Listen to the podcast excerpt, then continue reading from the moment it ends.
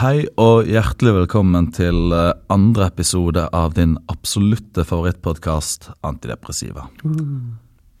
Den som snakker er Joakim Randa Bertelsen, og ved min side, som sist, er Johannes Grytnes. Hallo, hallo.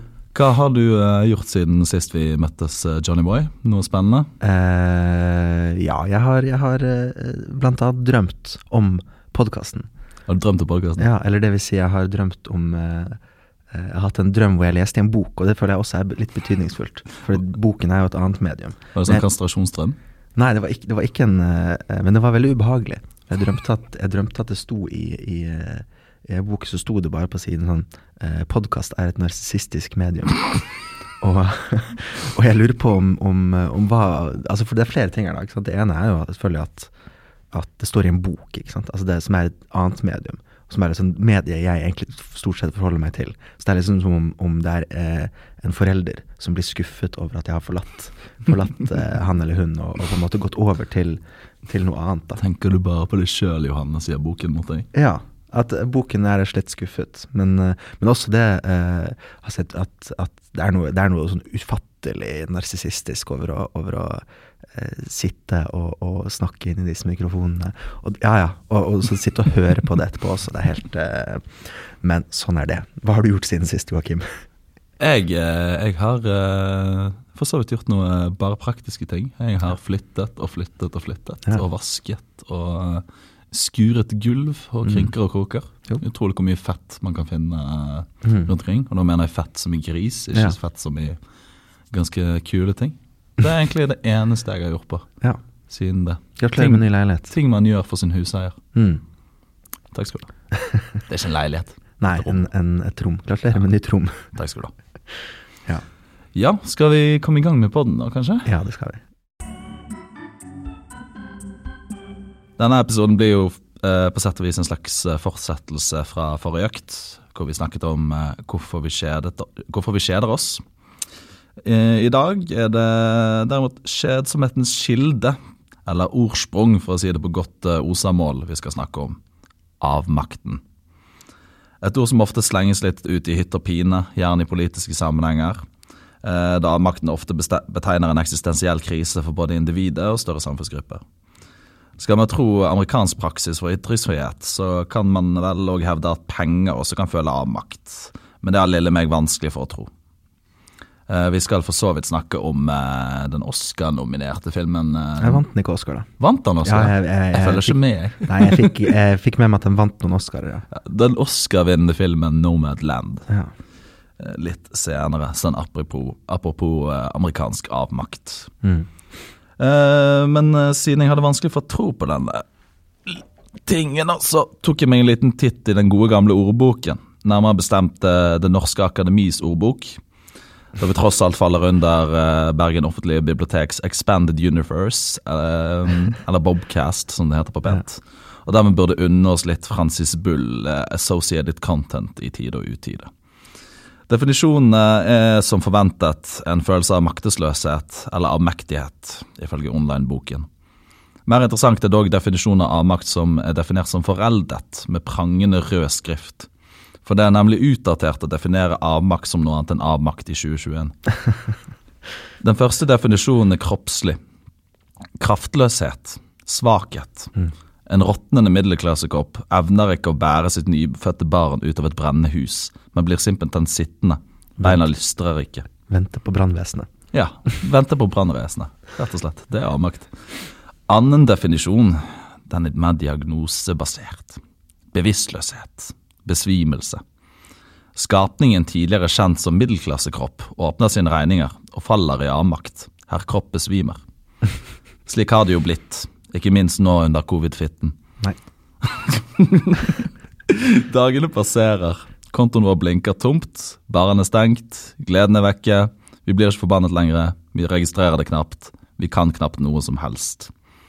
Er det, er det én ting vi kan egentlig, så er det egentlig bare å stirre på avspeilingen av oss sjøl i denne vakre lille PC-skjermen dag ut og dag inn, som en slags narsissus. Mm. Ja. Er narsissus bildet på vår tid? Uh, eh, det er jo uh, nesten en selvfølge, vil jeg si. Ja. Men Jeg tok en selfie i dag. Ja, men, men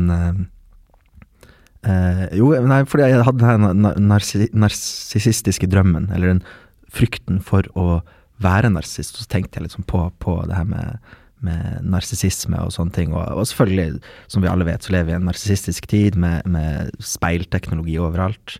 Så vi, selvfølgelig, Og det her med, med Google Maps også er også en sånn klassiker. ikke sant? At, at i motsetning til alle vanlige kart, hvor du må finne deg selv på kartet, hvor du må liksom forholde deg til dine omgivelser aktivt, så er jo eh, eh, Google Maps alltid har deg i midten. Eh, men også det her med narsissisme, for en, en, en definisjon på, på narsissisme, sånn diagnostisk definisjon, er jo det, nettopp det at man eh, man reagerer på en sånn opplevd, et opplevd overgrep som har blitt begått mot deg. At du opplever at verden og, og dine omgivelser eh, behandler deg, eh, eller har gjort et overgrep mot deg, og du kjenner avmakt overfor dette overgrepet. Eh, så, så eh, Og dermed blir man liksom narsist. For man har sånn narsistisk bekreftelsesbehov. Da, for å, fordi man opplever at man, at man uh, har blitt begått et overgrep mot. Så hele tiden får, bekreft, uh, eller får uretten bekreftet igjen og igjen og igjen. Mm, ja, fordi du, du får liksom ikke uh, gjort det godt igjen. Da. Så sånn for eksempel, jeg leser litt om det her med en sånn det, det kan ofte defineres som en sånn narsissistisk ting når foreldre blir sånn uproporsjonalt sinte på barn som ikke lyr. Fordi at når barnet ikke lyr, så oppleves det liksom som et slags overgrep da, fra barnets side mot foreldrene. Og da kan liksom foreldrene få sånn altså helt sånn uproporsjonalt sinne, da. Mm. Eh, fordi at de føler at deres autoritet blir utfordret. Mm. Eh, ja. Eller de der som eh, er i media ikke bare én gang, som en del av sånne portrettserie, men er i media én og to og tre og fire ganger for å snakke om kroppspositivitet. Ja. og, og selvfølgelig så er jo da eh, selv, selvkritikk og selvhevdelse er jo bare to sider av samme narsissistiske mynt. Mm. Eh, eh, ja, sånn eh, Altså kroppspositivisme er bare enda en måte å se på seg selv på. Mm.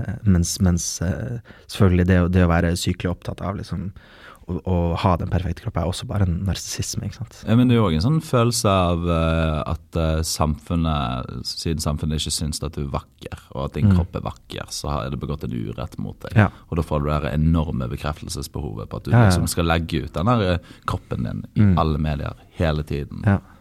Og jeg tenker også på det, altså det, det vitner om et, et, eh, altså et samfunn helt uten, helt uten retning og, og mål, når, når på en måte det eneste vi kan, vi kan eh, se for oss som er viktigere i verden, er hvorvidt verden anerkjenner oss.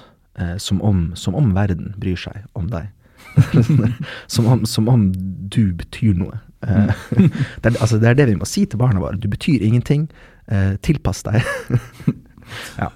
Men apropos eh, individer eller grupper som ser på seg selv som verdens navle. Mm. Du har jo lest eh, litt en gammel, eh, eller ikke gammel, men nygammel slager eh, siden eh, sist. ja, jeg tenkte Don DeLillos White Noise, Ja. ikke? Jo. Jo, som er jo da et, et eh, Altså, for det er jo selvfølgelig middelklassen vi snakker om.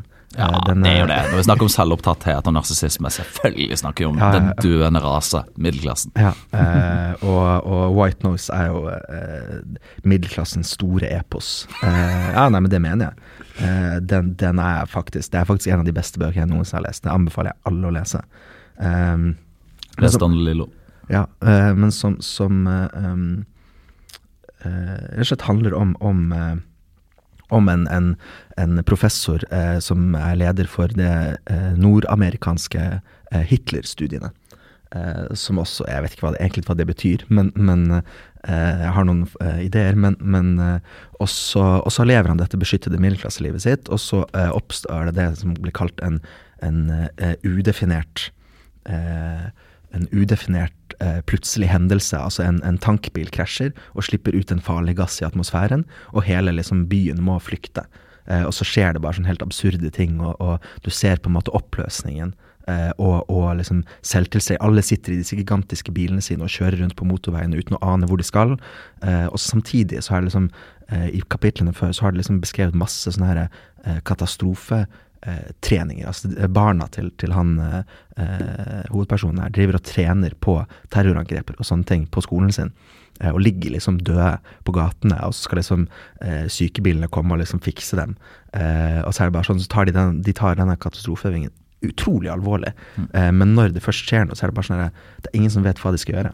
Eh, Litt sånn duck and cover på speed, da. ja, ja, men det, det, er liksom, det, er, det er et misforhold mellom, mellom den eh, konstante katastrofeberedskapen som, som på en måte definerer holdt jeg på å si, eh, denne eh, altså tiden etter 9-11, med at liksom, man har alltid forberedt på terror. Man er alltid forberedt på at det verste kan skje. Men så når det skjer, altså jf. Eh, pandemihåndteringen, og, så, er det sånn, så, så er det bare eh, eh, ingen som vet noen ting. Nettopp fordi at det er uforutsett. Mm. Men, men jeg tenkte jeg skulle, for det er en sånn utrolig flott passasje helt i begynnelsen, når, når eh, eh, foreldrene kjører sine barn, eh, sine unge voksne, da, til, tilbake til universitetet etter sommerferien. Og så kommer de i en sånn rituell eh, stasjonsvognkolonne eh, som kjører barna til skolen. Da, og så da, da skriver eh, Don DeLillo Uh, the parents stand sun-dazed near their automobiles, seeing images of themselves in every direction. The consensuous suntans, the well-made faces and wry looks. They feel a sense of renewal, of communal recognition. The women crisp and alert, in diet trim, knowing people's names. Their husbands content to measure out the time, distant but, but ungrudging, accomplished in parenthood, something about them suggesting massive insurance coverage. This assembly of station wagons, as much as anything they might do in the course of the year, more than formal liturgies or laws, tells the parents they are a collection of the like minded and the spiritually akin, a people, a nation. Ja, for, for middelklassen er jo også veldig mye mer enn en sosioøkonomisk klasse. Ja, ja, ja. Det er jo det kulturelle, normative fiberet som vår offentlighet består av. Det er de objekter, verdier og forventninger som ligger som kjernen i vårt samfunn. Mm. Det er egentlig det middelklassen utgjør. Ja, og jeg synes det er den første setningen der The parents stand Sundays near the Earthmall, seeing images of themselves in every direction. altså det er sånn Når du ser stasjonsvognen, så ser du deg selv. Når du ser universitetet, så ser du deg selv. Når du ser de andre sunne, friske barna, så ser du deg selv. Altså Du ser på en måte bare den der uh, den bekreftelsen på at man er en velfungerende uh, nasjon. da Et velfungerende fellesskap.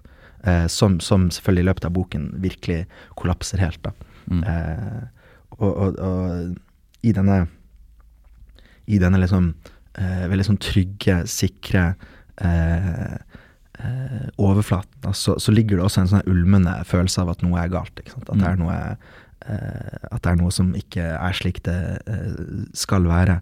Eh, og som kommer da til uttrykk i denne her liksom sky, gasskyen, da, på en måte som, som på en måte er overalt, og det er ingen som vet hva det er. Og, eh, men, men så har han også Og det er sånn klassisk for Don DeLillo sine bøker at det er en sånn sønn som på en måte er veldig opptatt av sånn survivalism.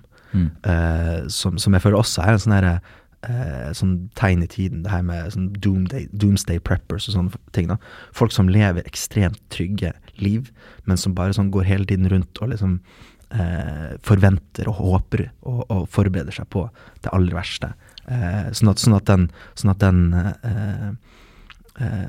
ja, sånn at, sånn at det skal bli, være noe realitet, da, en virkelighet, skal komme tilbake. Det handler om å bevare, sant. Be ikke bare Mm. bevare sin egen sånn uh, privilegerte status, men også å bevare, nærmest å bevare sitt eget speilbilde, Ja, ja. på sett og vis. Og, og det er jo, og, og det er jo eh, holdt på å si, middelklassen som er eh, eh, Altså, det er, det er som du sier, samfunnets liksom Uh, uten, uten middelklassen så har ikke lenger holdt jeg på å si, den, den, den uh, kapitalismen med et menneskelig ansikt noe, noen eh, eh, rettferdiggjørelse. Altså, eh, hvis det bare hadde vært arbeiderklassen og borgerskapet, på en måte, eh, slik det er i den marxistiske tradisjonen, så er det på en måte bare eh, da, da, det, da har jo kapitalismen lenger noe eh, rettferdiggjørelse. Mm. Eh, så, så ja. Nei, den, den ja. Ja, for det, det er jo òg et poeng, altså selv nå i, i dag når middelklassen krymper. altså Mm. Om ikke så mye i Norge ennå, men Mm. uh, i hvert fall i Amerika er den jo Mm. nærmest i ferd med å bli utryddet. Mm. Men så er det jo fremdeles dette, dette speilbildet av middelklassen. Middelklassens objekter, middelklassens idealer, middelklassens væremåte. Den består fremdeles som en sånn integrert del av eh, idealet og selvbildet til Amerika. sant? Mm. eh, eh, nærmest som en sånn ja, silhuett av, Mm. eh, av kapitaleiernes kompromiss med resten Mm. av befolkningen. Ja. Ja, og det er også interessant å tenke på at, at uh, i alle disse uh, objektene, og det er, det er en lang tradisjon uh, for å beskrive for å beskrive liksom, disse objektene som, som, vi har rundt oss, som, som, på en måte bekrefter vår eksistens. Da. Altså alt fra altså, mm, altså konsumobjekter. Du har stasjonsvognen din, du har huset ditt, du har plenen. Altså, det er jo, I det klassiske liksom, amerikanske drømmen så er det plenen og, og stakittgjerdet og, og eh, hele pakka som liksom bare bekrefter at eh, USA er en, er en god nasjon, på en måte. Uh, Men vi har stakittgjerdene ja. USA skal innføre i Irak når de skal innføre demokrati. Først og fremst stakittgjerdene. Det tror jeg faktisk er en visjon på bakrommet. Ja, ja, ja. Når det er stakittgjerder i Afghanistan, da har de gjort uh, mm. det de set out to do. mm, ja, det har ingenting med olje å gjøre. det er ikke det som er liksom uh, bring democracy and bring peace? Jo. Det er stakittgjerdet. Mm. Uh, ja, men altså, vi har jo mange av de greiene der i, uh, i Norge òg, for å ta litt til vår kontekst. Altså, uh, du ser det i, på helt sånn hverdagslige ting. altså Læreren din spør deg hva du har gjort i ferien. sant? Mm. Da er det en implisert idé om middelklassen som nærmest en sånn underforstått normalitet. da, mm. Til myndighetene som forventer at du har god internettforbindelse for at mm. du skal kunne kommunisere med dem i dag. sant? Altså Alt kommer jo på der digiposten. Og ikke minst eh, god uh, internettforståelse. Ja, det er litt sånn det er også, Når vi ikke blir for liksom, 80 år gamle her. Jo. Nei, men altså, alle, altså, det er jo ingen som klarer å navigere på Nav. Det er jo helt komplett umulig. Jeg tror det var mange som oppdaget noe uh, i covid.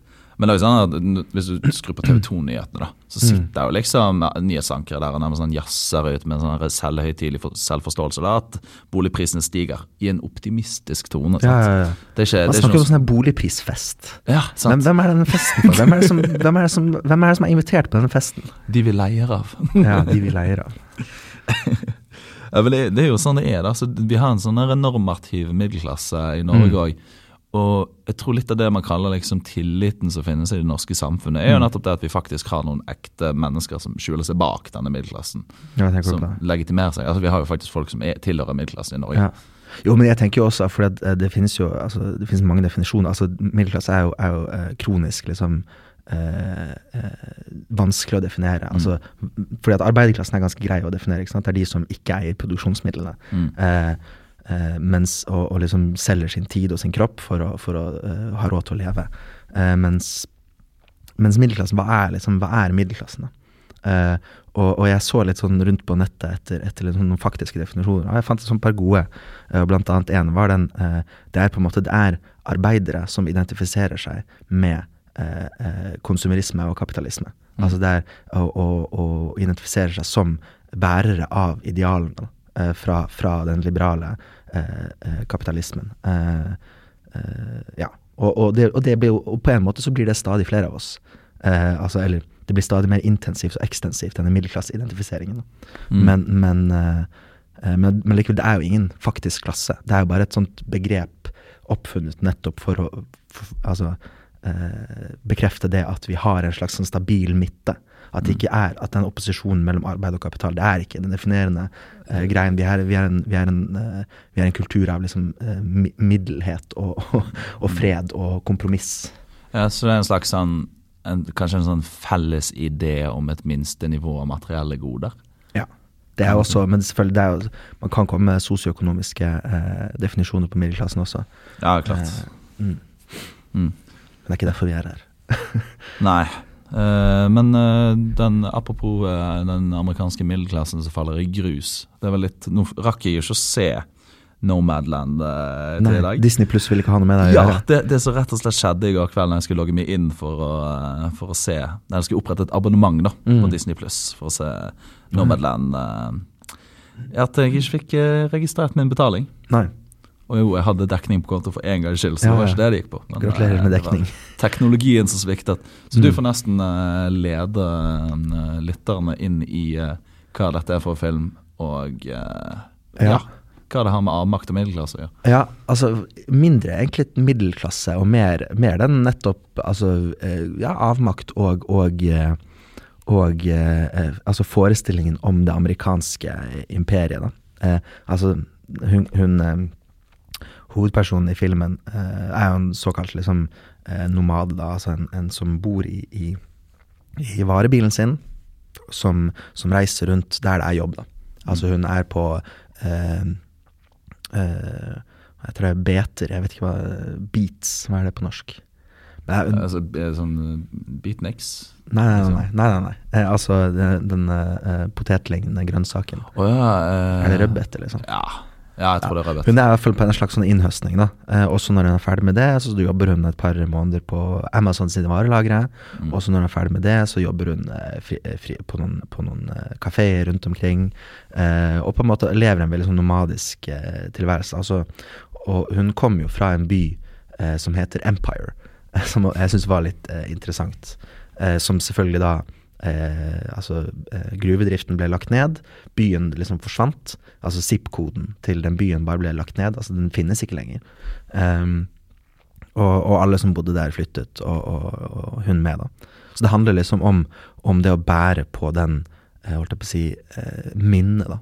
Om, om, eh, om, om liksom dette imperiet. Eh, om, dette, om den store amerikanske drømmen. Og så handler det også om å gi slipp på det minnet, da.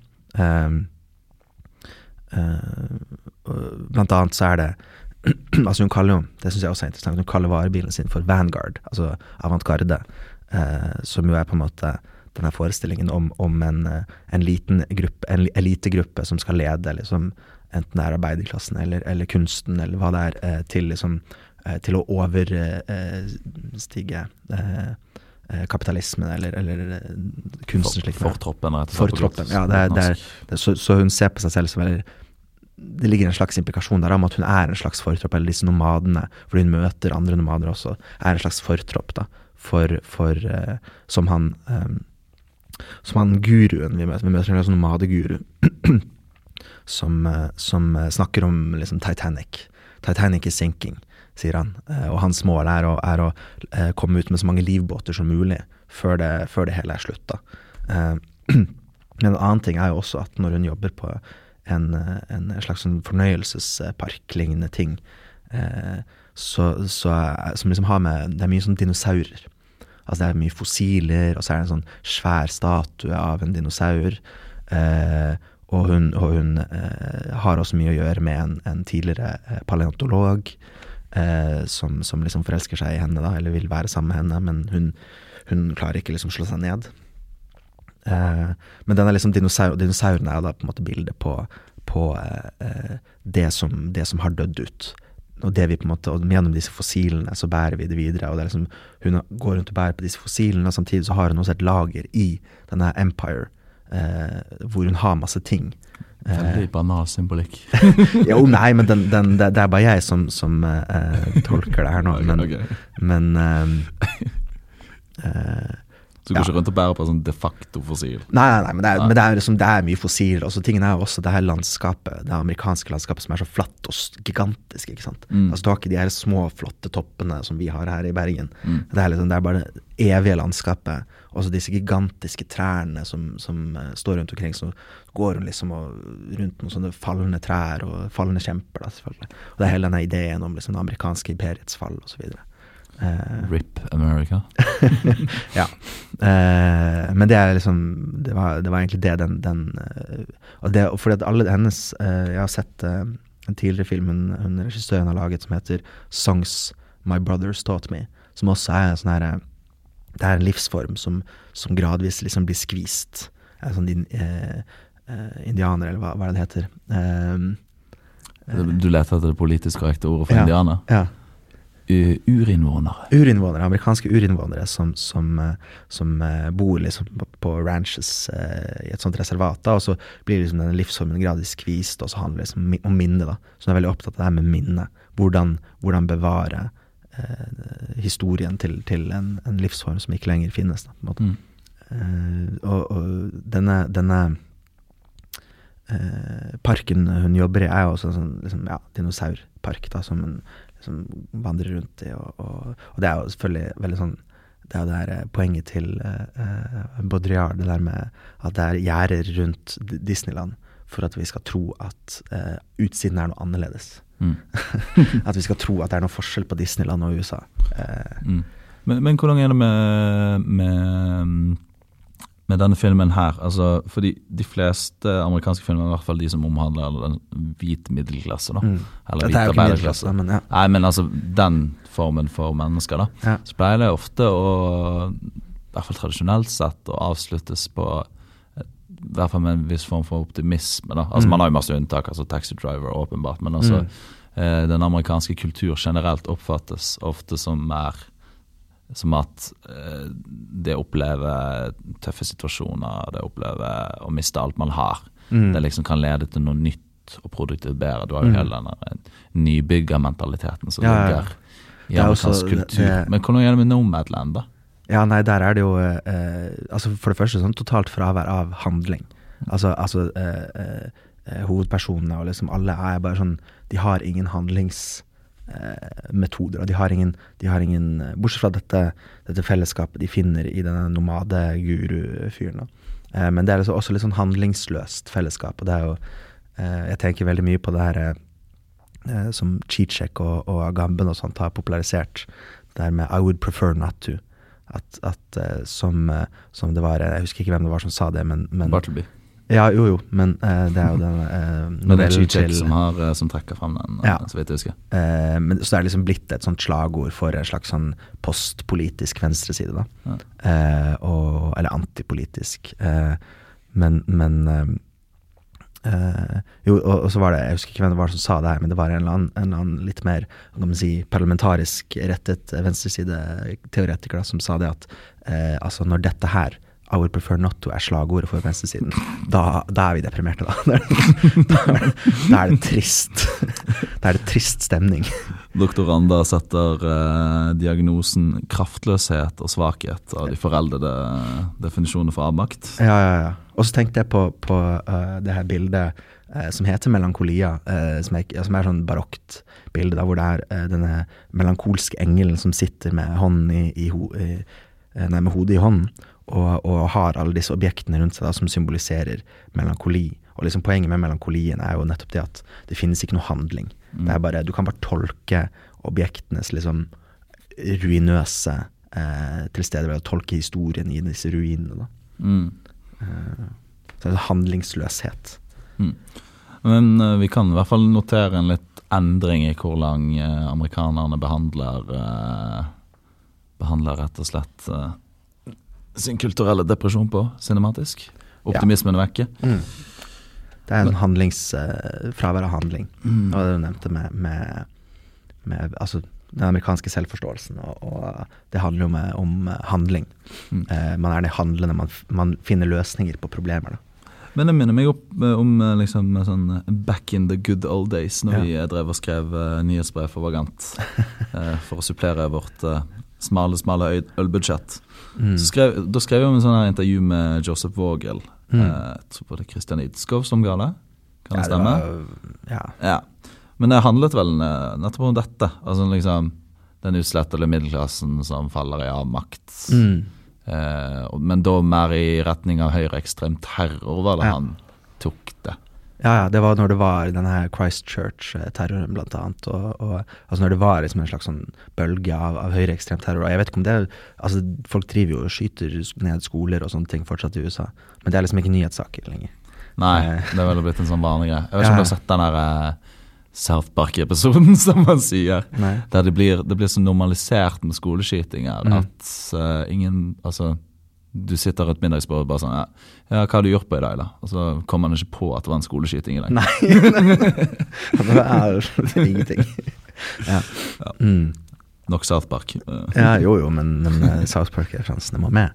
Men, men eh, eh, jo, i det intervjuet så sier jo han der Våger blant annet det der som vi egentlig også sier, at, middelklassen er en er At det at den er liksom det, det trygge, tempererte, da, altså lunkne hjertet i samfunnet, som, som liksom holder det hele sammen, det er en sånn fiksjon som nå er i ferd med å, å briste. da. Eh, i med, nettopp med at disse, disse høyreekstreme terroristene er ofte middelklassefolk. Uh, og hva var det han her eh, som drev og filmet seg selv? Han liksom første virkelig sånn incel eh, eh, Han som liksom var så kjekk, og hvorfor, han hadde så mye penger, og hvorfor var det ingen damer som likte han? Åh, ja, ja. Jeg, husker, jeg vet hvem du mener, Ja. men jeg husker ikke navnet på han. Så, han så så ja, altså, Han så ut som et skikkelig klassetryne. Men, men uh, uh, han, han uh, Altså, den herre eh, Jo, altså det kommer liksom veldig tydelig fra denne såkalte middelklassen, og identifiserer veldig med liksom konsumerisme, altså snakker veldig mye om sånn herre uh, Han har mye penger, og han har liksom alt Han har alle verdiene på stell, på en måte, men så er han allikevel altså så horribelt grusom, på en måte. Uh, og også alle disse narsissistiske trekkene. Og det er også litt av poenget her, at, at eh, middelklassen er, er en eh, genuint narsissistisk eh, klasse. Altså det her med, med å identifisere seg med alle eh, alle disse konsum... Eh, eh, konsum altså varene, da. Eh, at du liksom du har din, din identitet i bilen din, i huset ditt, i plenen din. Altså en voldsom sånn identifikasjon med den private eiendomsrett, f.eks. Mm. Altså folk går helt bananas når, når, når noen trår på plenen deres eller knuser et vindu, ikke sant. Altså i sånne demonstrasjoner. Sånne, sånne, noen, altså, jeg vet ikke om du så den her eh, Det var noen som eh, eh, den her eh, demonstrasjonen eller opprøret mot, mot uh, de Glazer-brødrene med United. Jo, jo, selvfølgelig fulgte jeg med på det. Og så, og så er det bare sånn at dette er uakseptabelt fordi det ble kastet noen ølflasker og sånne ting. Og så bare sånn at, Jeg Knuse kameraet til eh, Sky Sports. Det, Ja. det likte ikke og, det var to, og det var to politimenn som ble skadet. Og det er litt sånn der, Men det som er jævla funny med det òg, er jo at uh, sånn, eh, de som sitter og klager på dette her, som Mm. sender inn til, til Sky Sports, da, Mm. er jo folk fra middelklassen. De som har råd til å betale Sky Sports for å se kampene. ja, ja. Mens de som går og knuser dette kamerastativet, er jo Mm. ofte folk som ikke har råd til Mm. Å se Ja, men jeg tenker det, det handler ikke så mye, altså, Det handler selvfølgelig litt om hvem som har råd til ting også, men det handler også om hva du identifiserer deg med. Da. Identifiserer du deg først og fremst med TV-kamera, med, med, med Sky Sport, eller identifiserer du deg først og fremst med den liksom eh, Som i hvert fall i tradisjonen er, er en arbeiderkultur. Den må, må gå på fotballkamper og, Mm. og drikke øl osv. Men- jeg har funnet en løsning på middelklasseproblemet. Ok, for Eh, et problem. Altså internerer hele den globale middelklassen i en stor sånn her gulag-leir. Okay. Vi gjør ikke noe slemt med dem. Det, det vi skal gjøre, er at vi skal gjøre sånn eh, Thomas Mann uh, Trolldomsfjellet-løsning. Ja. At det eneste at de skal være inni her, og så pleie de små plenene sine og kjøre de små bilene sine. Ja. Og gjøre alle de vanlige middelklassetingene sine. Mm. Det eneste vi, vi utenfra skal gjøre, er at vi skal sjekke kontinuerlig, sånn Mm. en gang om dagen, om de har eh, passelig feber, at de har middelklassefeber. Ja, ja, At de ikke har for lav feber, men ikke at, og ikke at de har for høy feber. ja, ja, ja, Og ja. da tror jeg middelklassen hadde vært, uh, følt seg mindre avmektig. Ja. Mm. ja. Mm. Uh, og det er jo med, med Ja, Trolldomsfjell er også en referanse her. uh, ja.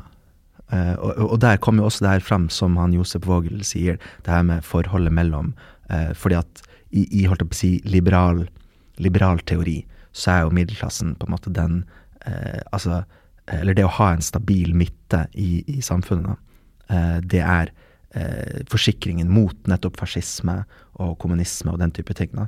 Og der har vi også denne hesteskoteorien. Du har middelklassen, som er politisk apatiske og stemmer hvert fjerde år. Eh, og så har du de som er sinte og, og gjør ting, og de er de slemme, da, på en måte. Eh, så, så Sian og de som demonstrerer mot Sian, er akkurat like ille.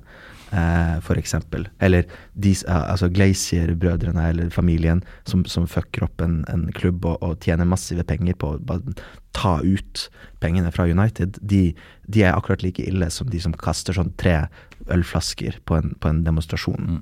Eh, ja. Sånn- Av og til får jeg liksom inntrykk av at middelklassen sitter liksom da på avstand. Det gjør de jo for så vidt. De sitter liksom sånn, ikke helt øverst i kaldfaren, men sånn litt lenger nede. Mm. Og så sitter de med kikkert, og så ser de ned på Landås og ser hva som foregår. Mm. ja. Jeg, jeg, det er en morsom, morsom, historie. Det var en buss, og så var det noen som hadde sånn utdrikningslag. Og så sto det, altså var han tysker, da. Sto han og holdt en sånn lang tale på tysk om, om eh, at en gang i året så møttes liksom folk fra Minde og Landås. De møtte folk fra Kalfaret for å kaste stein på hverandre.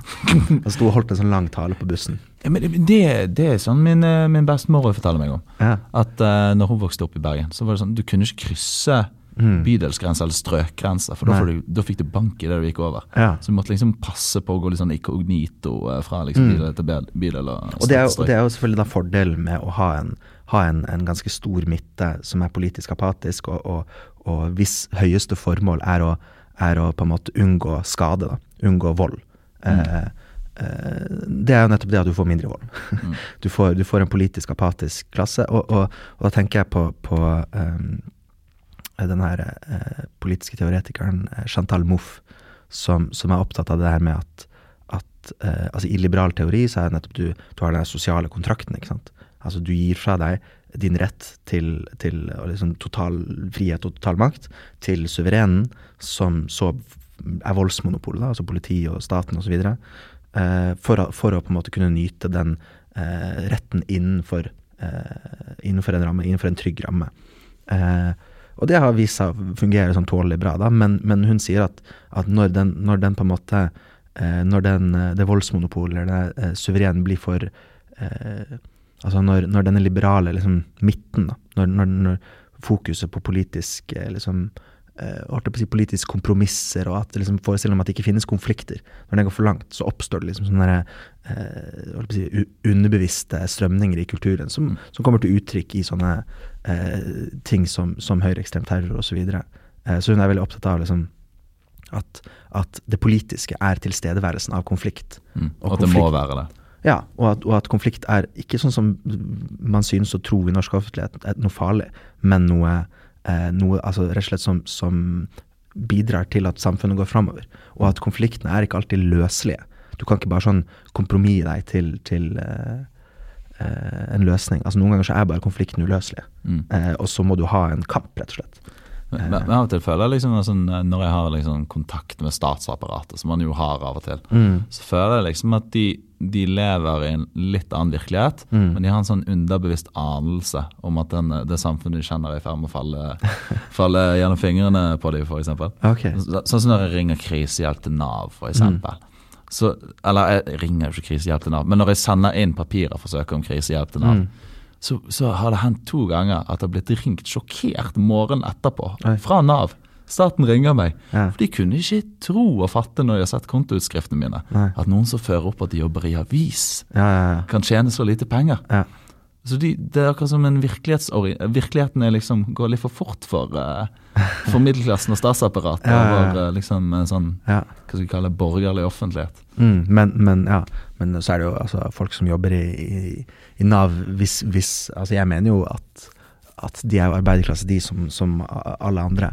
Mm. Eh, men det er det med identifikasjon med Sant? Ja, visse nettopp, verdier, da, en nettopp, nettopp. Men apropos, apropos eh, eh, eh, si, eh, den, den forestillingen da, som vi prøver å, å, beskrive litt her, da, med at liksom middelklassen holder på Altså den, den trygge midten holder på å falle fra hverandre.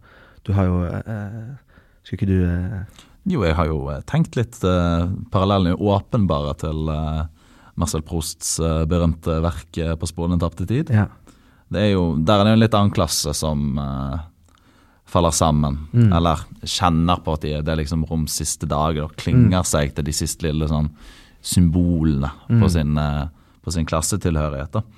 Uh, det er jo et verk som om veldig mye, da, så jeg skal være veldig veldig spesifikk. Men uh, eh, dere får høre på sånn lesegruppe-podkast, sånn Mm. apropos middelklassen, hvis dere vil høre mer uh, om på sporet av Den tappe tid. Eh, men eh, det som er greien der, da, er jo at en leng, en, det som lenge har vært kanskje den viktigste klassen, aristokratiet, har et uunngåelig fall. Det er kommet en ny klasse som tar over, borgerskapet, verden er i ferd med å endre seg. Og de, i Roms siste dager her, så kontinuerlig tviholder jeg på en sånn tapt idealtilstand. Så kommer til syne gjennom altså, at de dekorerer huset sitt med antikke objekter, de ivaretar gamle sedvaner, og de er en enorm skeptisk til folk som kommer utenifra. Spesielt folk som kommer fra borgerskapet med sine mm. veldig vulgære manerer. Uh, romanskarakterer, spesielt de eldre, de bærer en sånn bestemt fornemmelse at de Litt underbevisst, tror jeg, at de lever i en æra av forfall. Mm. Eh, og da enser man kanskje det man kaller forfallets dialektikk oppe på Leninhøyden. Det har vi jo Mm. begge to hørt om i et seminar eller to. Ja. Og hva er det? Det kan vel kort defineres som dette. Altså ideen om at Altså Hvis du i det hele tatt skal tenke liksom ideen om et forfall, så trenger du jo et annet. sant? Noe du har liksom forfalt fra. Mm. En sånn tenkt gullalder eller ideal som kan liksom være en sånn kontrast til et korrumpert forfall nå. Mm. Og i Prost og i adelens tid så, eh, så, så er liksom en sånn tenkt adelens tid, da, denne gullalderen. Men altså i denne sammenheng med Prost, og egentlig det vi har snakket om nå med middelklassen, Mm. så er det jo eh, kont eh, kontrasten forfallet virkelig understreker. Mm. Det, det betyr jo flere ting. Sånn, Ikke bare peker det mot et sånn godt altså moralsk godt fortid. Mm. Eh, men òg eh, det ruinerte potensialet i nået. Altså Mm. Noe kan ikke bli noe bedre. Det er en stadig form for nedadgående kur eh, kurve. Mm. Noe kunne vært godt, hadde det bare liksom Det som var, utviklet seg til et godt nå. Altså, Mm. hadde man ikke gjort eh, Hadde ikke man blitt korrumpert i en fortid, så hadde det vært, kunne vært greit. Mm. Men da tenker jeg liksom. på, på forskjellen på liksom nostalgi og melankoli. Altså fordi at nostalgien vil jo tilbake til det, det, det, før det prefalne mennesket, på en måte. Eh, mens, mens melankolikeren er fullstendig klar over at, eh, at det er ingen vei tilbake. Ja, Eh, det er litt det, da. Ja, og jeg tenker jo på, på, på fortelleren i, i På sporet av den tapte tid som en melankoliker, først og fremst. Absolutt. absolutt, absolutt. Altså, det, er ikke en, det er ikke en nostalgiker. Mm. Omgivelsene er altså, til dels preget av en viss nostalgi, men det er først og fremst en melankoli. Altså Det er en erkjennelse av at verden har uunngåelig endret seg. Mm, Det er jo nettopp den tapte tid. Mm. Edens hage er jo òg en altså, Og gullalderen er jo òg abstraksjoner. Sant? Det finnes ingen gullalder. Mm. Nei. Sant? Det finnes ingen ideal uh, fortid. Nei. Men uh, ja, altså det man opplever der, er at de jævla nyrykebøndene de, de har ikke manerer, de har dårlig smak, moralen er korrumpert. Mm. Og alt dette manifesterer seg på veldig mange vis. da. Altså Det manifesterer seg i de små tingene. Eh, de, de går liksom ikke rundt og hetser eh, borgerskap og bøndene hele tiden, Nei. men de omgir seg med liksom ting som på mange måter støter de ute. Disse stakittgjerdene vi snakket om i stad. Bare i form av antikke møbler, gamle sedvaner, Ja, ja, ja. tradisjonelle At det er sånne små, subtile Ja. gester man skal gjøre i, i de sosiale Altså i salongen og sånne Ja, ting. moteting, rett og Ja, slett. som rett og slett eh, holder, holder borgerskapet ute, da, på en måte.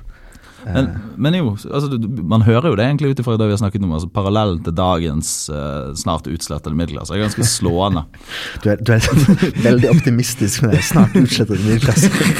det, og nå har jeg allerede snakket om å internere dem, så det var kanskje litt brutal i dag. Men uh, jeg, jeg leser, eh, og her er min lille hot take, Ja. jeg leser eh, Karl Ove Knausgård Ja. som den fremste litterære eksponenten for, uh, for den tendensen. For Som- middelklassets eh, Altså han er middelklassens prost, rett og slett. Ja, rett og slett. Og det, og det, ø, altså det høres jo nesten Når du sier det, så er det sånn selvfølgelig. på en måte Ja. Altså Det er åpenbart Prost som er uh, Knausgårds uh, forbilde. Ja, ja, men, men jeg tror kanskje mange tenkte det mer i den der litt sånn selvbiografiske tonen. For det var Ja. jo en parallell som ble trukket ganske umiddelbart når Knausgård uh, uh, ga ut Min kamp. Men eh, mulig jeg tenker på det på en litt annen måte. Det er det er flere punkter enn det som jeg skal ta opp nå som egner seg eh, for en podkast, men mm. jeg tar en episode alle husker. Nemlig denne barnevognepisoden. Ja, ja, den infamøse. Den infamøse. Han ble jo mye kritisert for det. Ja, det var mye Ja, sånn, eh, sånn eh, Litt sånn eh, Var det feministisk kritikk av, av, eh, av at han tok opp eh, tok opp en, sånn her, en, fore, en forestilling om at liksom, alle moderne menn vil egentlig bare eh, spise kjøtt og bo i huler, og liksom, altså, men så må de gå rundt og bære på barnevogner, på en måte. Jeg følte seg rett og slett demaskulinisert av hele det konseptet å liksom ha eh, eh, Hva faen er det heter? Jeg har jo ikke barn. Barnevogn? Barnepa farspermisjon. Å ja. Og så gå rundt og triller trille på, eh, på ungene sine. ja. Eh, rett og slett. At det liksom skal være en eh, kvinneting. Mm. Eh, men Knausgård som prost da, omgir seg i hele min kamp med en sånn haug med tradisjonelle middelklassemarkører. Mm. Eh, Han er en moderne skandinavisk mann som triller ungen sin rundt i en barnevogn. Det er så middelklasse du kan få det. Eh, men likevel, som en slags under, sånn underbevisst prosjisering av en idealtilstand, så føler han seg demaskulinisert. Eh, som han, i en ideell eh, gudalder, slettes ikke hadde behøvet å trille liksom, den der barnevognen. Mm. Eh, men, eller skal jeg si menn, Ja. i, uh, i middelklassens tenkte høyalder, Ja. det vil si hans foreldregenerasjon, ja. trillet nemlig ikke denne barnevognen. Nei. Men, eller skal jeg si mannsidealet, Mm. lider heller ikke av en eh, prematur ejakulasjon. Eller havner i følelsens vold og skjærer opp ansiktet sitt idet han møter den han elsker på sommerfest. Ja, ja. Knaus- Knausgård eh, feiler på alle disse punktene. Ja, ja, ja. Eh, altså Vi vandrer her i middelklassen som begynner å tvile på seg sjøl og sine egne idealer. Mm. Men i stedet for en sånn produktiv dialektikk der man organiserer seg på ny og blir kanskje få en ny sånn klasseidentitet. Mm. Kalle Senterklassen, eller hva. En sånn derre KrF-rebrand, hva er det de kaller seg nå? Eh, ja, det kaller seg vel sentrum? ikke Kaller seg Sentrum. Som er da produktiv dialektikk. Ja, ja, ja. Eh, møter vi, her møter vi da forfallets dialektikk, åpenbart. Uh, en idealisert fortidig farsskikkelse fra Gerhardsens egen pung, og selve forfallet, Karl Ove sjøl. ja. Det er det, Ja, og det er også, det er også eh, noe å tenke på det her med at eh, Frederick Jameson har skrevet en sånn tekst som, eh, som man kaller for itemized, hvor han hvor han sånn, eh, diskuterer sånn, hva er det som skjer, egentlig. Altså, for det skjer jo ingenting i, i Knausgårds novelle, men det som skjer, er at han ser ting. Han lister opp ting. At han sier sånn her Jeg var på butikken, jeg kjøpte kaffe, jeg kjøpte melk, jeg kjøpte brød, og jeg kjøpte en Pepsi Max. og rullings. Ja, og en rull. Og, og, altså, men han driver og lister opp Jeg, jeg så ut i vinduet, jeg så en bil, jeg så et tre. Jeg så, altså Han driver og lister opp ting. da Alle disse tingene. Og det er liksom de samme som, som, som Prost sine liksom, ting. Enten det er madeleinekakene eller hva det er. ikke sant Altså Disse tingene som er liksom markører for eh, en viss eh, tilværelse. Det er en viss måte å være på. Som Altså, altså jeg, Det er jo ingen annen grunn til å liste opp disse tingene enn hvis du på en måte har en slags sånn fornemmelse av at de ikke kommer til å finnes for alltid. på en måte. Det, eh, for det er jo, altså, jeg tenker det er ikke noe vits å beskrive en livsform som fungerer i beste velgående. Som, som, lever, i, altså, som lever ut sine store drømmer. Altså, da, du skriver ikke når du er på vei oppover, på en måte. Eh, altså, det er ingen som Ja, nei. Men nettopp, altså, så markeres jo altså sånn I, i Knausgård så blir det òg en sånn voldsomt middelklassete ting. Eh, som finnes en annen parallell i Prost, da, men jeg skal komme til det. Men eh, Knausgård markerer jo eh, ofte smak, spesielt i disse her, eh, det er vel fjerde, femte bind, eh, gjennom eh, korrekt og ukorrekt populærmusikk, f.eks. Mm. Sånne typiske sånn universitetsting som middelklassen gjør når de kommer på universitetet. De, de rangerer folk etter musikksmak, f.eks. eksempel Spesielt en sånn type sånn 80-tallsting. Ja, jeg føler ikke det er noe man gjør lenger. Fordi alle, alle, når, Nei, du det- det de, ja, når du spør folk hva de, hva de hører på, så sier jeg jeg hører på alt mulig rart. Ja, altså, Som er sånn Nei, det tror jeg ikke du gjør. Knausegutt får jo faen meg fullstendig panikk eh, i en scene der når han liksom det kommer på feil REM-sang. Eh, ja. så man blir litt flau og indignert og sånt. Ja. Sånne ting. Um, Han setter på B-siden istedenfor A-siden. Ja. The One I Love kommer på. så Ja, vidt jeg ok. husker. Men, eh, men i dag så er det jo ikke sånn. Altså, det er jo nesten Det er jo blitt hyperpostmodernistisk. Hvis du setter på Åge Aleksandersen på fest, så er det liksom akseptert. ja. Til dels. Vel eh, I hvert fall Bass Hunter er jo akseptert. Ja, nei, jeg, jeg velger å forholde meg Altså, jeg er et barn av middelklassen, Joakim. Jeg, jeg holder på visse idealer. Vel, vel, det er litt samme markøren i Prost, da, fordi når, når du besøker den der koketten og dette, hvis du skal Ja, ja, husker du dette? Ja, hun omgir seg eh, det, det påpekes, Hun er en av få det påpekes at det er smakløst hva hun har eh, liksom eh, dekorert rommet sitt eller værelset sitt med. Okay. Det er sånn, an, Hun har sånn antikk eh, Jeg husker ikke om det var japansk eller kinesisk porselen. Mm. Uh, over hele greien. Mm. Og Det tror jeg eh, var en slags form for nymotens uh, ting. Ja. Mens det ble trykket ned sånn smakløst kontinuerlig gjennom, ja, okay. gjennom de bindene, spesielt det med Swan. Ja, ja, ja. Ja, fordi at altså, det her er eh, Japan, Japan-fetisjen i Europa. Det var vel en sånn sen 1800-tallsgreie Mm. Som kom virkelig opp. Det der med japansk kunst og japansk estetikk og, og ja, porselen og alt mulig sånt. Mm. Alt skulle liksom fra, komme fra Japan. Mm. jeg, jeg vet ikke om det var en For jeg tror ikke det var en aristokratgreie, jeg tror det var en borgerskapsgreie. Ja, det var en borgerskapsting. Ja. Definitivt. Men, eh, ja. Mm. Men uh, for å knytte litt uh, tråder sammen igjen, så vil jeg tilbake til Vågel. Ja. Uh, vi snakket litt i stad om uh, denne forestillingen om middelklassen som det liberale samfunnets midte. Mm. Eh, hva skjer da når liksom Altså, når du skal opprettholde et samfunn og midten faller ut? Mm. Det, det går jo til helvete, det. Ja, jo, jo, og, det, og, og den, og den, eh, den eh, art, eller intervjuet på- på Vagant eh, hadde jo overskriften 'I USA er det borgerkrig i luften'. Og, og, og, og jeg vet ikke om det er det nå lenger, da, men, men, men bare det liksom at det er mange som driver og snakker om det, sier jo noe om på en måte hvilken, hvilken, hvordan den illusjonen som middelklassen på mange måter er, eh, hvordan den er ved å virkelig eh, falle sammen. Da. Og når jeg tenker på disse eh, følte ikke jeg ble helt ferdig med der, disse høyreekstreme eh, eh, og liksom incel og, og alle disse eh, barna av middelklassen da, som, som, på en måte ikke klarer å identifisere seg lenger med, med disse eh, konsumeristiske og kapitalistiske og liberale eh, eh, idealene. da. Eh, fordi at de føler at de lenger ikke er reelle. Eh, er liksom, da får man jo altså når, når, disse, eh, når disse skytegreiene foregår, så er det jo mot da eh, det Vågel kaller liksom nettopp eh, de, de, liberale demokratienes kjernesteder. altså sånn som skolen, kirker og, og, og kjøpesentre. Altså steder som oppleves som upolitiske, altså særs upolitiske steder. Spesielt kjøpesentre. ikke sant? Og også altså Jeg vil jo mene at skolen er et veldig politisk sted, men, men eh, liksom i denne eh, liberale forestillingen så er på en måte skolen et upolitisk sted. ikke sant? For bare å lære folk kunnskap. Eh, og, og, det er liksom en sånt altså Jeg tenker på disse greiene som et sånn mislykket forsøk på altså Det er for eksempel ikke altså Det er aldri tilfeldig hvor terror blir utøvd, på en måte. altså Bare se på 9-11, på en måte. Altså, det er jo ikke tilfeldig. Eh, eller, eller, med Ja, nei, nå skal vi ikke gå for langt inn i de mørke greiene der.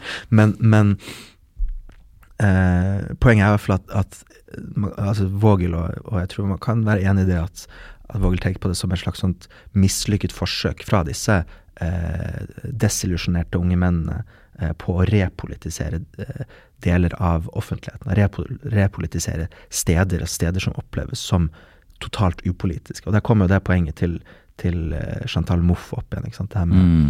eh, at, at når, du, når, du, benekter at det finnes konflikt, at politikk er Altså det å drive politikk, eller det å eh, eh, føle at du har makt til å styre dine egne omgivelser, når det blir så totalt undertrykt i en sånn kompromiss eh, middelvei hele tiden, så, så, så, får du sånne eh, destruktive understrømmer. Og selvfølgelig skal man ikke undervurdere psykisk helse og fattigdom og, og, og, og fa, eh, famlende institusjoner også. Men det er også en sånn subjektivitetsendring da, i, i middelklassen tenker jeg. Altså det, nettopp at den, den, holder på å liksom rakne litt i sømmene. Og dermed rakner jo også samfunnet også, fordi samfunnet har på en måte basert seg på nettopp denne klassens eh, selvforståelse.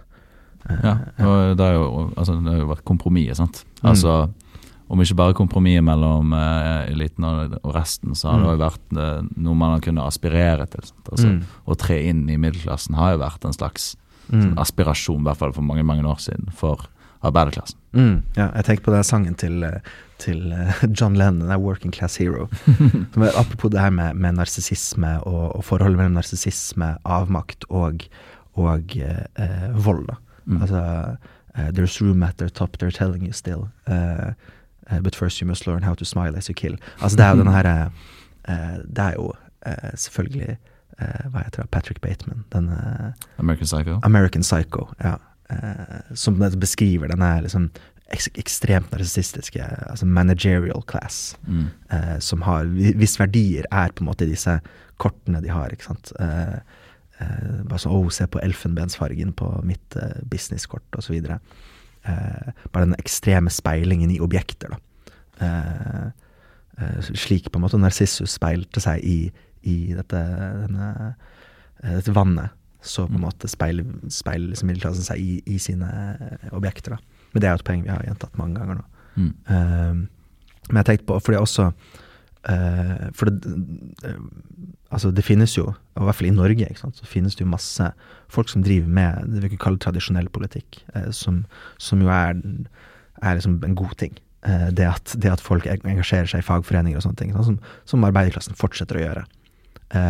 men eh, i større grad altså, så er det på en måte middelklassen, er, eh, er barna av middelklassen som er disse black blocksene som man så har sett rundt i Europa mm. og, og, i USA. Det, ja, og hvilket bedre eksempel på avmakt enn black block, eh, egentlig. Ja, men også, men også, det at det, det, finnes ikke noe det finnes ikke noe eh, altså Når du ser disse black block-folka demonstrere, så er det jo De har jo ikke noen plakater, de har ingen krav. Altså Når det var det her Nuit debout-greiene i, i, i, Paris, når de okkuperte den her store parken. Det var en del av den Occupy-bevegelsen som, som, i 2011 eh, Som vel endte med den arabiske våren. Eller begynte med altså Det var liksom en vekselvirkning der, da. Men, men uh, plassokkuperingsbevegelsene. Uh, men eh, da var det også, fikk de tilbud fra borgermesteren i Paris. Og bare sånn ja, ok, Skal vi sette oss ned og, og, diskutere hvilke krav har dere? Og da sa de bare rett ut at vi, vi, vi, har, vi har ikke lyst til å prate med deg. For vi har ingen krav som du kan oppfylle. Altså, vi vil bare ha et annet samfunn. ja. Litt sånn Bartleby. Uh, ja, I would prefer not to. Mm. Uh, og det er nettopp da den på en måte den, uh, altså den, den her forfallets dialektikk. ikke sant? Du har en klasse som ikke lenger kan identifisere seg med sine idealer. og da vokser det fram en slags sånn ny, og muligens også produktiv, liksom de-identifikasjon. Mm. At man, at man kan på ny finne nye idealer, da, hvis man klarer det. Hvis man ikke bare blir nihilistisk og, og eh, mørk, sånn som det virker som mange blir. Så vi kan rett og slett eh, skille mellom eh, produktiv og uproduktiv av makt? Ja, altså Jeg tror jo alle, all, Altså uh, Hele poenget med, tenker, med, med, dialektikken er jo at den, den er en bevegelse som uh, Som produserer nye vilkår hele tiden. Uh, mm. og, at, og at med med middelklassen som gradvise eh, kollaps, så oppstår det nye identifikasjoner og subjektiviteter som kan, som kan ta over eh, eh, Ja. Og, og, og, ellers så, ellers så rett og slett bare blir, kommer, kommer arbeiderklassepolitikken tilbake. Og blir fagforeningene sterkere, og, og ja. Det kan man også tenke. Da, det høres ut som en uh, optimistisk, fin tanke, men uh, jeg er ikke helt Altså, framtidens idealklasse. Det blir vel sikkert noe sånn Folk som har eh, råd til å kjøpe seg en sånn eh, slags jernlunge. Hva var det, hva var det når du var på sånn eh, Davos, det er toppmøte på Davos, så var, så var selvfølgelig eh, temaet Det var noe sånn The Great Reset. Og en av hovedtalerne der, han sa det at in the future you will own nothing and you will be happy. Eh, som var sånn en sånn helt sånn absurd sånn erklæring av at eh, nå skal du bare leie altså det er tilbake, altså Man skal tilbake til føydalismen. Ja, ja, det er jo der du vil. Du skal leie alt av noen, noen megarike korporasjoner. Og så skal du men, men det som kommer til å skille denne feudal, altså nyføydalismen fra den gamle føydalismen, er at vi kommer til å være proppet full i så mange drugs at vi klarer oss. Ja, det er jo eh, heldigvis så er legemiddelindustrien stor og sterk. Og Takk Gud for narkotika. Vil du at jeg skal Ja. Men eh, skal vi, skal vi, gi oss på den positive toppen der, eller? Har du noe mer på hjertet? Uh, tja Ja, jeg har jo egentlig det, men det er liksom så så det er så mange, mange tråder her, på en måte. Ja, vi har noen løse tråder. Ja. Uh, jeg vil jo, vil jo f.eks. tilbake til, til Eller vil jeg det? Tilbake til den narsissismen. Nå er det jo, eh, nå er det jo påskeliljer over at det heter jo Narsissus på latin. Mm. Eh, det var jo eh, en eh, eh, Narsissus ble ble jo, omskapt til en eh, påskelilje når, han, ja, når han ble forelsket i sitt eget speilbilde. og det er liksom det er forholdet mellom, mellom narsissisme, avmakt og, og middelklassen da, som, som, er Som jeg tenker er hovedpoenget. Som er det våre lyttere må ta med seg inn i dagen eller inn i natten. Mm. Vi gjør oss mens leken er god. Ja. Takk for at du hørte på. Mm. Adjø.